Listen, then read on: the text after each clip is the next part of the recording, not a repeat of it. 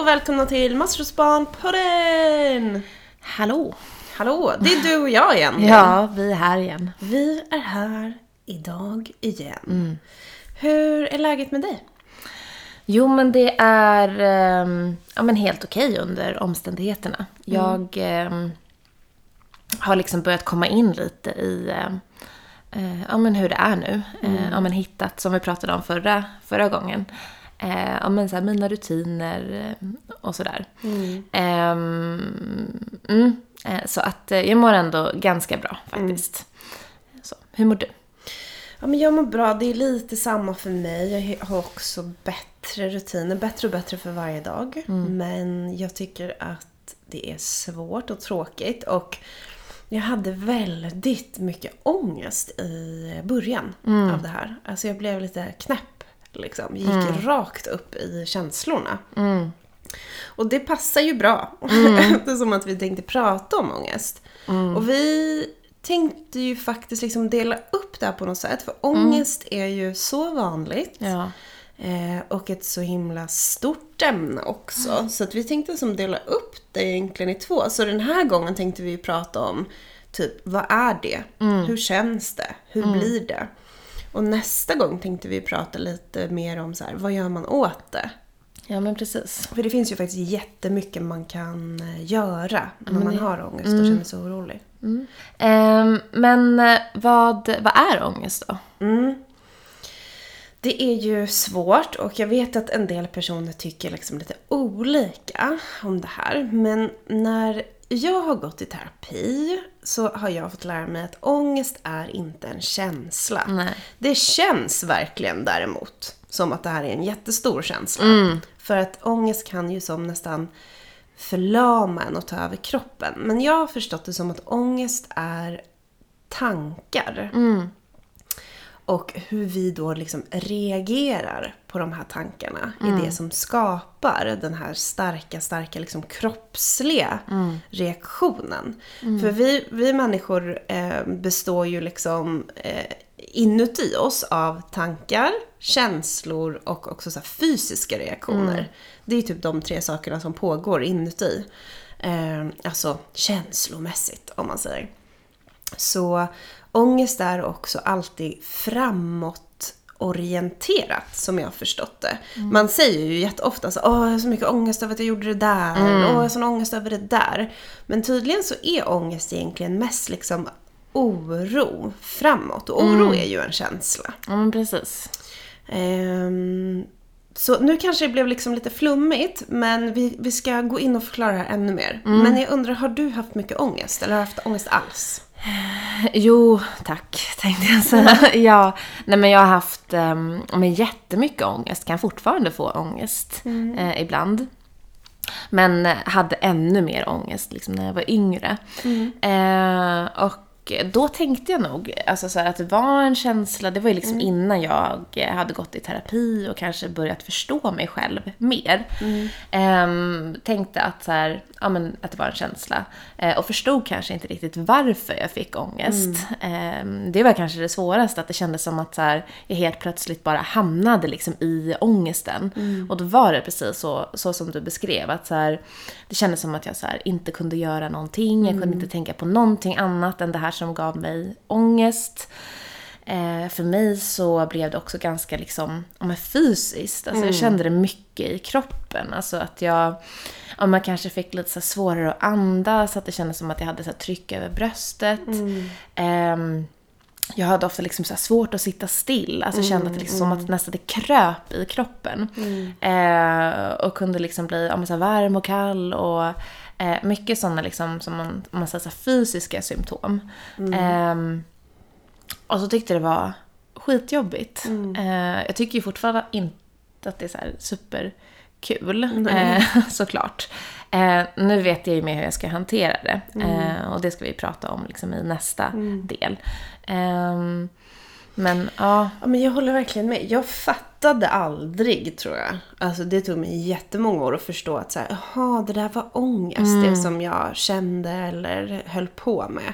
Jag hade bara en sjukt kraftig känsla av obekvämhet och typ eh, ja men tänkte väl, jag tänkte nog inte så mycket. Det var bara, allting var bara pissjobbigt Mm. och jag ville bara eh, fly från det som var det. Så Ja. då behövde jag göra massa saker. Alltså som att jag hade väldigt hög energi. Men det Mm. var ju bara för att fly tror jag från det som kändes och det Mm. jag tänkte. Men det finns ju, och, och nu pratar vi om ångest, men det finns ju också panikångest som kanske är en ännu mer liksom utåt sett tydlig. För att det här med ångest, det, jag kan ju ha jättehög ångest och ingen kanske märker det på mig. men så därför är det precis. lite klurigt också att så här, kanske förmedla eh, eller för andra att se. Men panikångest är ju lite mer utåt, eller hur? Ja men precis. Eh, och då blir ju någonstans de här, ja, men som jag var inne på, liksom de fysiska och kroppsliga symptomen blir någonstans ja, men ännu starkare. Att så här, det märks ju eh, på en person att man har panikångest. Alltså man kanske börjar ja, men så här, hyperventilera heter det, men man börjar liksom andas väldigt liksom, kraftigt och vissa börjar ju till och med liksom, så här, skaka. Ehm, och det kan ju se ganska obehagligt ut när en person har panikångest. Det kan också kännas Alltså jag har haft en del panikångest när jag var yngre och då kändes det ju typ, alltså det kändes som att nu kommer jag dö. Eh, och eh, det, så är det ju inte. Alltså det, man dör ju inte av panikångest men det känns ju verkligen så. Ehm, Och det är klart att det känns så. Ja. Man får ett tryck över bröstet. Man börjar andas jättesnabbt. Det kanske känns som att man inte kan. Det är klart att hjärnan tror så här. Ja, nu, nu håller jag på att dö liksom. Mm. Och det som jag tyckte var så knepigt också, eller som eh, många liksom, ungdomar som jag pratat med också beskriver, är ju att sådär, har man haft panikångest tidigare så är man också ganska rädd för att få det igen. För att man tycker att det är så himla obehagligt. Eh, såklart. Eh, men också för att vissa tycker, alltså skäms mycket. Man tycker att det är pinsamt. Det är ju såklart ingenting att skämmas över, men man kan ju känna så. Men att då är man så rädd för att få panikångest att man liksom så stressar upp sig och tänker okej nu får jag ångest, nu kommer jag få panikångest, nu kommer jag få panikångest. Och då är det som att den känslan liksom triggar sen igång panikångesten. Ehm, så att det blir bara som en ond cirkel. Ehm, vi, ja. Ja, och om man ska försöka förklara vad som händer i kroppen när man har panikångest, men också alltså, ångest generellt, då är ju det liksom att så här, eh, hjärnan på något sätt uppfattar någonting. Det kan vara en doft, det kan vara ett ljud, en låt, ett samtalsämne, en tanke man får, alltså vad som helst, en känsla man får som någonting som är hotfullt. Eh, och hjärnan är ju skitbra för den vill ju liksom skydda oss från farliga saker. Eh, och hade den inte gjort det hade ju vi alla varit döda nu för då hade vi typ blivit uppkäkade av tigrar. Eh, men vår hjärna har inte utvecklats så himla mycket Nej. på, eh, på all den här tiden som det har gått sen vi behövde att vår hjärna var så här rädd. Vår hjärna är ju liksom både lite negativt inställd, skeptisk och orolig och rädd. Och det behöver, eller det har den behövt vara förut, för det skyddade oss från Ja. alla farligheter. Och det finns fortfarande jättefarliga saker, men eh, inte som kräver egentligen att hjärnan ska vara så här orolig. Men nu råkar den vara det, så då måste man lära sig hantera det. Bla bla bla. Det som det, som det är, är då i alla fall att så här, hjärnan får någon typ av eh, stimulans från någonting. Oj, nu händer det där, eller nu kommer den där låten på. Och då drar den på alarmet så här. Farligt, farligt, farligt. Det är som eh, det bara blinkar och tjuter och skriker. Och då eh, händer det saker i kroppen. Då slås olika grejer på. Typ som gör det så som du beskrev. Att eh, man andas mycket, mycket snabbare för att få mer syre. För att syre är ju livsviktigt.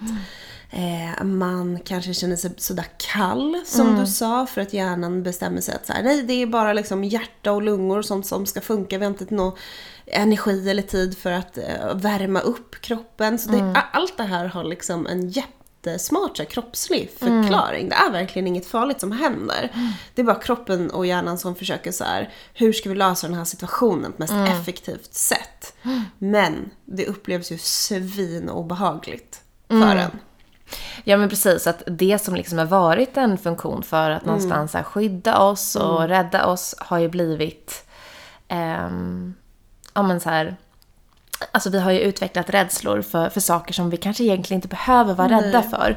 Eh, men så kanske någon, man har varit med om någonting jobbigt som är kopplat till någonting.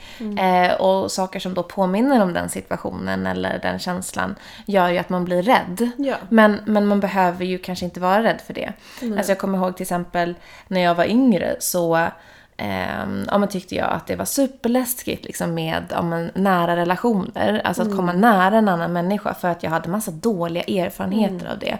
Och det är ju någonting som, alltså så här, det ska man ju inte vara, eller ska och ska, men det behöver man egentligen inte vara rädd för. Eh, men då var det som att min hjärna bara var så här, farligt, farligt, farligt, och det var ångest, ångest, ångest.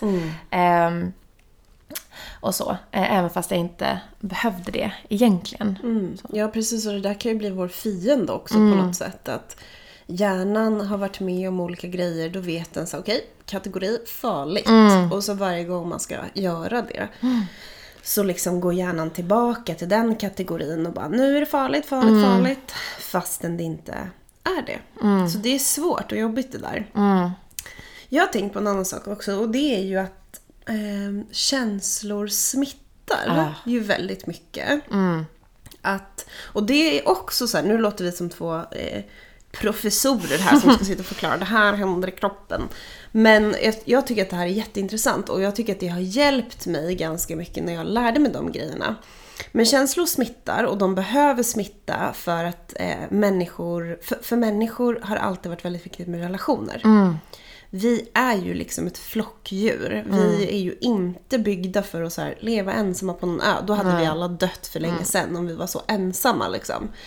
Eh, vi har alltid behövt varandra. Och i att behöva varandra så behöver man liksom känna in varandra.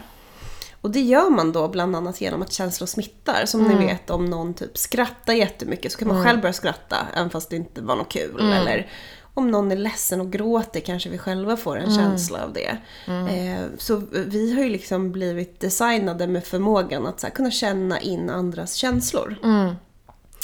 Men det är inte heller alltid toppen. Verkligen inte. Alltså det... ehm, Eh, ja men som du säger så finns det ju liksom en funktion med det och mycket som kan vara positivt. Eh, men det kan ju också leda till att man verkligen alltså, nå- nästan tar på sig andras känslor. Att eh, någon som till exempel ja, men känner väldigt stark oro eh, kring en. Man kanske inte var orolig eh, innan man träffade den här personen men att så här, man blev det nu. Ehm, Ja, jag kan tycka att så här, det där har varit svårt också ibland att så här, separera sig. Okej, vad är min oro? Vad var den personens oro? För att det känns som att så här, men det bara blir liksom samma. Eh, en, mm, Och vi maskrosbarn också har ju fått också öva väldigt mycket på den förmågan. Alltså vi har ju ofta blivit kanske till och med ännu bättre än andra människor på att känna andras känslor. För Ja. att vi behövde det när vi Ja. var små. För att många kanske har fått så här ta hand om en syskon. Typ jag till exempel tog hand om min lilla syster jättemycket och det var väldigt eh, nödvändigt för mig att känna av min mamma hela tiden. För eh, min mamma ändrade liksom känslor var femte minut typ. Och då blev det som att min hjärna bara måste ha koll på henne, måste ha koll på henne. Så att jag fick ju liksom träna så himla mycket på det. Så då tycker jag att det var väldigt svårt att sluta träna på det. Eller stänga Ja. av den förmågan när jag inte behöver. Alltså när jag var med friska personer sen. Typ mina vänner. De behövde jag ju inte gå och bara vad känner hon? Vad tänker hon? Och varför Nej. då? Och hur påverkar det mig? Och vad kommer hända? Men då hade jag ju liksom, den knappen var ju på. ja, verkligen. Så. Mm. Ja men absolut. Eh, så kommer jag också ihåg att det var liksom, det var så himla oberäkneligt. Man visste aldrig vad som skulle hända och man ville alltid bara veta vad som skulle hända och räkna ut. Och då tog man liksom in och kände allt som man bara kunde känna. Och det där går ju in på att så här, hjärnan är rädd. Hjärnan gör ju sådär för att den vill ju så söka efter hot. Och om man tänker då att liksom eh, om jag får reda på hur det är, då kan jag göra någonting åt det. Men ofta så blir det ju inte så för oss. För att så här, om jag går och tänker på dig hela tiden, är hon arg på mig nu? Är hon ledsen på mig nu? Eller vad känner hon? Om du inte säger det får jag ju ändå inte på riktigt reda på det. Mm, verkligen. Det är så himla mm, spännande, kanske är fel ord, men att så här, det finns så himla mycket funktioner i hjärnan som egentligen någonstans är till för att skydda oss, men sen också kan ja, men, eh, utvecklas till att att eh, om man nästan blir det motsatta. Ehm, Det så. så förstör för Ja, oss. men liksom. verkligen. Eh, Det är himla spännande. Men jag, jag tycker också sen när man, ehm, eller när jag började förstå det och lära mig mer om det, att det hjälpte mig också ganska mycket Mm. i att så här, förstå så här, vad fan är det som händer? Verkligen. Mm. Och, och jag tänker, apropå liksom situationen vi är i Mm. nu då, så vet vi ju också att så här, eh, om man bara tänker på sig själv, att så här, jag sa ju i början att så här, jag har haft jättemycket ångest. Och det var ju för att jag blev orolig och rädd och blev så här. Okej, men vad fan är det som händer? Eh, man vet inte så mycket om det här, hej och hå. Och då var ju jag en så här typiskt dåligt exempel på hur man inte ska göra. Liksom. Och det var att eh, jag liksom läste överallt och gjorde massa grejer och pratade om det här hela tiden. Och med det menar jag inte att man inte ska prata om det eller inte läsa, men det blev liksom överdrivet. Och sen när jag pratade med andra så hörde jag ju att de var oroliga också. Och då lades ju det på i min hög med oro. Sen pratade jag med en annan person så var den orolig, så tog jag emot dens oro. Och så är ju situationen för många nu, tänker jag. Att så här, man själv är orolig och ångest. Eh, De man bor med kanske också är extra oroliga och extra mycket ångest. Eh, man läser saker på internet. Folk är också skitoroliga och jättemycket ångest där. Och alla är oroliga. Ja men verkligen. Och de här, den här ångesten resulterar också i att så här, eh, ja, det är så himla mycket åsikter också på internet. Jag, jag eh, ja, men precis som du så var jag också sådär i början att jag så läste allt. Mm. ja, men så här, ville hålla mig uppdaterad hela, hela tiden och hade liksom men alla olika ny, nyhetsappar och eh, notifikationer på så här, mobilen bara för att ha koll. Eh, men blev ju typ så här, alltså knäpp av det. Ja, men att- man orkar inte. Ja, men precis. Och också så här, det är ju såklart jätteviktigt och bra att hålla sig uppdaterad Mm. och få veta liksom viktig information. Eh, men man behöver ju absolut inte ta in all den där informationen. Jag behöver ju inte heller veta vad alla människor känner sig oroliga för eller vad de tänker. Eh, utan så här, Ehm, det går ju också att välja. Mm. Jag tänker att många, många ungdomar som vi eh, har kontakt med och pratar med och träffar beskriver ju också att så här, och det pratade ju du om sist tror jag, att så här, de beskriver att den här situationen som är nu, till exempel kanske vissa föräldrar jobbar hemma, eller de man bor med jobbar hemma, man spenderar mycket mer tid tillsammans. Vissa kanske har det osäkert kring deras jobbsituation. Eh, så man är inte bara orolig för den här sjukdomen. Utan eh, de vuxna då och eh, deras barn är kanske också oroliga för hur kommer det här påverka jobbet? Hur blir det om ett halvår? Kommer jag bli av med jobbet? Har jag blivit det redan? Kommer jag få något nytt jobb? Till exempel. Ehm, det vet jag att jag var väldigt orolig för när jag var yngre och då var det ingen liksom, epidemi. Men min, min mamma till exempel hade ibland i perioder inte jobb och det pratade hon väldigt, väldigt, väldigt mycket om. Ja. För att hon hade väl ångest kring det. Och ehm, hon borde ju pratat med någon annan än, än med oss, men nu gjorde hon det. Ehm, och det tog ju jag på mig, så jag oroade ju mig jättemycket över det, även fast jag inte kunde göra någonting åt den situationen. Så det är liksom trippel, kvadruppel, massa ångest. Det är Ja, liksom verkligen. över den här pandemin, det kanske är över jobbet, det är över ekonomin. Och det gör ju att eh, personer som redan mår dåligt, typ våra föräldrar, börjar må ännu sämre. Och gör olika saker som gör att de börjar må ännu sämre. Och så Ja. blir det bara, det bara snurrar på. Verkligen. Ja, det är, mm, får ju liksom så här, ja, men effekter på, på allt egentligen. Verkligen. Och, och man kanske också har någon familjemedlem eller någon vän eller någon annan som man älskar och bryr sig om som är i en sån här riskgrupp. Och då kanske man är jätteorolig över det. Är orolig liksom över hur det kommer bli om den blir sjuk. Man kanske är orolig över Kommer jag inte få någon plats på sjukhuset? Kommer den personen inte få det om den är sjuk? För att man hör ju också mycket liksom, rapporter och tankar och känslor från sjukvårdspersonal. Man kanske oroar sig över hela liksom, landets ekonomi och hela Ja. världens ekonomi och hur blir det för alla människor? Verkligen.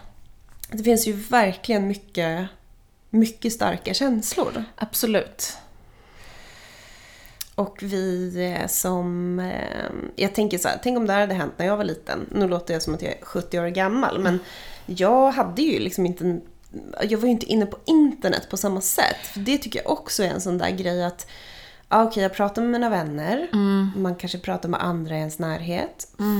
Känner sin oro, deras oro. Och sen går man in på internet. Och i varandra kommentarsfält så skriver folk en miljon olika så här, åsikter. Och folk är ganska arga nu. Jättearga och så här, jag tycker också att så här, så många som har liksom så mycket åsikter om vad andra gör och att det är fel att göra på det här sättet och man ska inte göra så här och sådär. Och eh, om en ja, men som, som jag alltså var alltså förut och som jag fortfarande kan vara ibland, är att så här, man vill bara göra rätt. Eh, och så försöker man så här, hitta, men vad är rätt och vad ska man göra? Och så är det så himla mycket och då blir det som att så här, det också blir en oro i att så här, okej, men ska jag göra på det här sättet eller ska jag göra så här? Och ehm, det eh, finns ju alldeles för mycket information. Ehm, Precis, så kanske man får ångest över det. För Ja. att man har typ gjort någonting som någon annan tycker är helt sjukt. ja. Så får man dåligt samvete över det. Eller någon i ens familj kanske gör någonting annat än vad någon annan tycker. Alltså most likely så är det ju så eftersom Ja. att alla tycker väldigt olika. Så det, ja alltså man hör ju. Det är väldigt mycket känslor just nu. ja, men verkligen. Och um, det är nästan svårt att prata om det här utan att börja prata om. Och då kan man göra så här. Nej men precis. Istället. Ehm, Men jag tror att det är viktigt att, att, ändå så här gå lite djupt i det här. Varför gör vi så här? Och jag tänker en annan sak också som vi varit inne lite på, men det är ju också att eh, det är ju väldigt stor skillnad på att så här, ha ett problem, tänka lite på det, komma på någon lösning, göra det man kan och sen så liksom släpper man det ja. mot det här som vi beskriver. För det är också jätteviktigt att känna sina känslor. Man ska inte liksom stänga av Nej. eller ignorera eller inte tillåta sig själv vara ledsen eller vara orolig. För att så här, det är en jätteobehaglig tid just nu och det måste man få känna. För att jag tror också att det är parallellt väldigt viktigt att få uttrycka vad man känner. Och självklart så här, prata med den eller dem man vill prata med. Ja. Allt är inte bara fel och bara nu är det ångest, känn inte så liksom. Nej men precis, alltså det, självklart ska man prata. Eh, men, men jag tänker också, för mig har det varit viktigt att, ehm, att också så här, prata om annat och liksom få en paus från, från den här oron och från sina tankar. Och att så här, ja, men I början kunde jag nästan känna att så här, jag fick så dåligt samvete för att jag typ gjorde saker som jag tyckte var kul. Ehm, eller för att man så för för typ några timmar inte tänkte på, liksom, på den här pandemin. Eh, men det behöver vi också. Så här, alltså för att klara det och för att liksom, kunna må bra så behöver man få alltså, en paus från oron. Eh, och sen så kan man när man behöver liksom, prata om det och diskutera och så vidare. Eh, så att det eh, jag tror att det är liksom bra med, med både och. För det är ingen som orkar vara liksom, i konstant oro. Eller man kanske är det, men då mår man ju inte så bra heller. Nej. Precis. Det tar ju väldigt mycket energi såklart från kroppen att vara sådär eh, i beredskapsläge. För det är ju det kroppen gör egentligen när den har ångest. Alltså den, även om man kan känna sig väldigt paralyserad. Det är ju olika för alla. Vissa blir ju mer så passiva och andra blir ju så här, men som du beskrev, äh, jag blir helt rastlös och det kryper i kroppen. Men oavsett hur man blir så tar det skitmycket energi. Ja. För kroppen är så här: okej, nu är det hot. Och att vara i det i jättemånga timmar, i flera veckor, varje dag kanske. Det tar ju dö mycket energi. Och det är därför det här inte blir så bra. Nej, men precis. Det är klart, det tar ju energi att så här gråta och vara ledsen också. Men där kanske man får en så release. Medan ångest bara är ett skitjobbigt tillstånd som inte gör... Alltså det ger ingen belöning eller bonus i slutet Nej. av det. Liksom. Nej, men precis.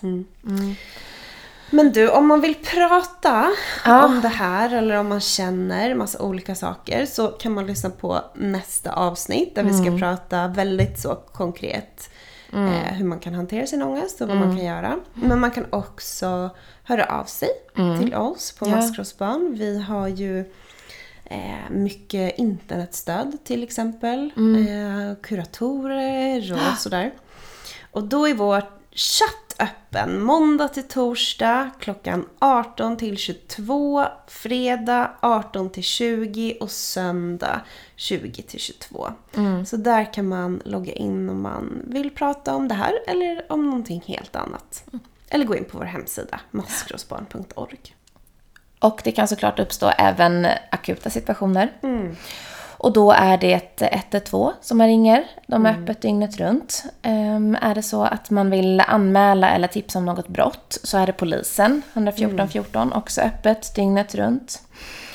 Om det skulle vara så att det är någon akut situation i hemmet, alltså att man blir utsatt för någon form av våld eller något annat, så är det socialjouren som man hör av sig om det då är om en kvällar eller helger, annars är det socialtjänsten. Och för att nå socialjouren i sin egen kommun, för det är olika nummer, så är det bästa sättet att gå in på en sida som heter koll på SOS, kollpasos.se. SOS, S-O-C. Precis. Och där kan man då söka på sin hemort eller kommun eh, och så ska numret till socialjouren i ens kommun komma upp där, så kan man ringa dit. Och är det för krångligt eller om man liksom har panik eller så, så man kan alltid ringa 112 om Men det är akut. Ja, det då- spelar, de kopplar en, de kommer ta reda på, alltså så. Verkligen. Och samma sak är det om det är så att man, eh, om man känner själv att man mår så pass dåligt att man behöver åka in, ja, men, alltså mår så pass dåligt psykiskt att man är rädd för att man ska skada sig själv eller eh, så, då är det ju BUP-akuten. Och det kan ju också vara olika för eh, varje kommun. Men eh, där kan man också ringa 112 så kopplar de en. Och samma sak om det är så att det hänt något med ens förälder, att man är orolig och det är vuxenpsykiatrin som man behöver höra av sig till, så är det ju också olika för varje kommun, men då är ju 112 eh, också ett bra alternativ om man tycker att det är krångligt eller om man känner att man liksom inte har, just då kan googla fram eh, den kommunen. Så. Verkligen. Och det är mm, jättebra att veta om. Och det har hänt mig flera gånger att jag har ringt till fel kommun eller så här, aha, oj, den bodde där. Och de brukar alltid vara jättehjälpsamma och koppla en vidare. Så tänk på det. Även om hela liksom, eh, världen känns lite upp och ner just nu så eh, finns det massa hjälp att få och man ska söka hjälp om man har behov av det. Precis, att inte tänka så här, nej men nu ska jag eh, försöka vara stark och Nej. eh, eftersom det inte, ja, det är, om du känner att det är akut så är det akut Ja. och då har du rätt att få hjälp och stöd. Ja, precis. Vad fint. Tack för den här gången så hörs vi snart igen. Det gör vi. Hej då!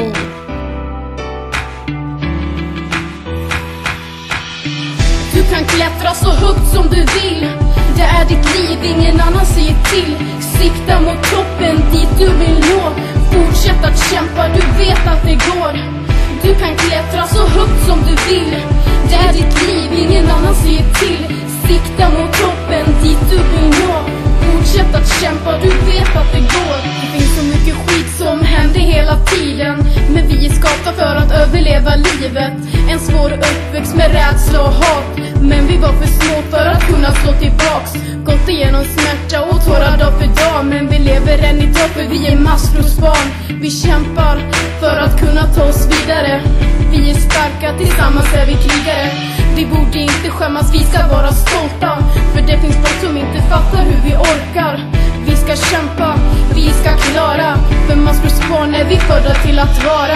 Ett maskrosbarn slutar aldrig kämpa.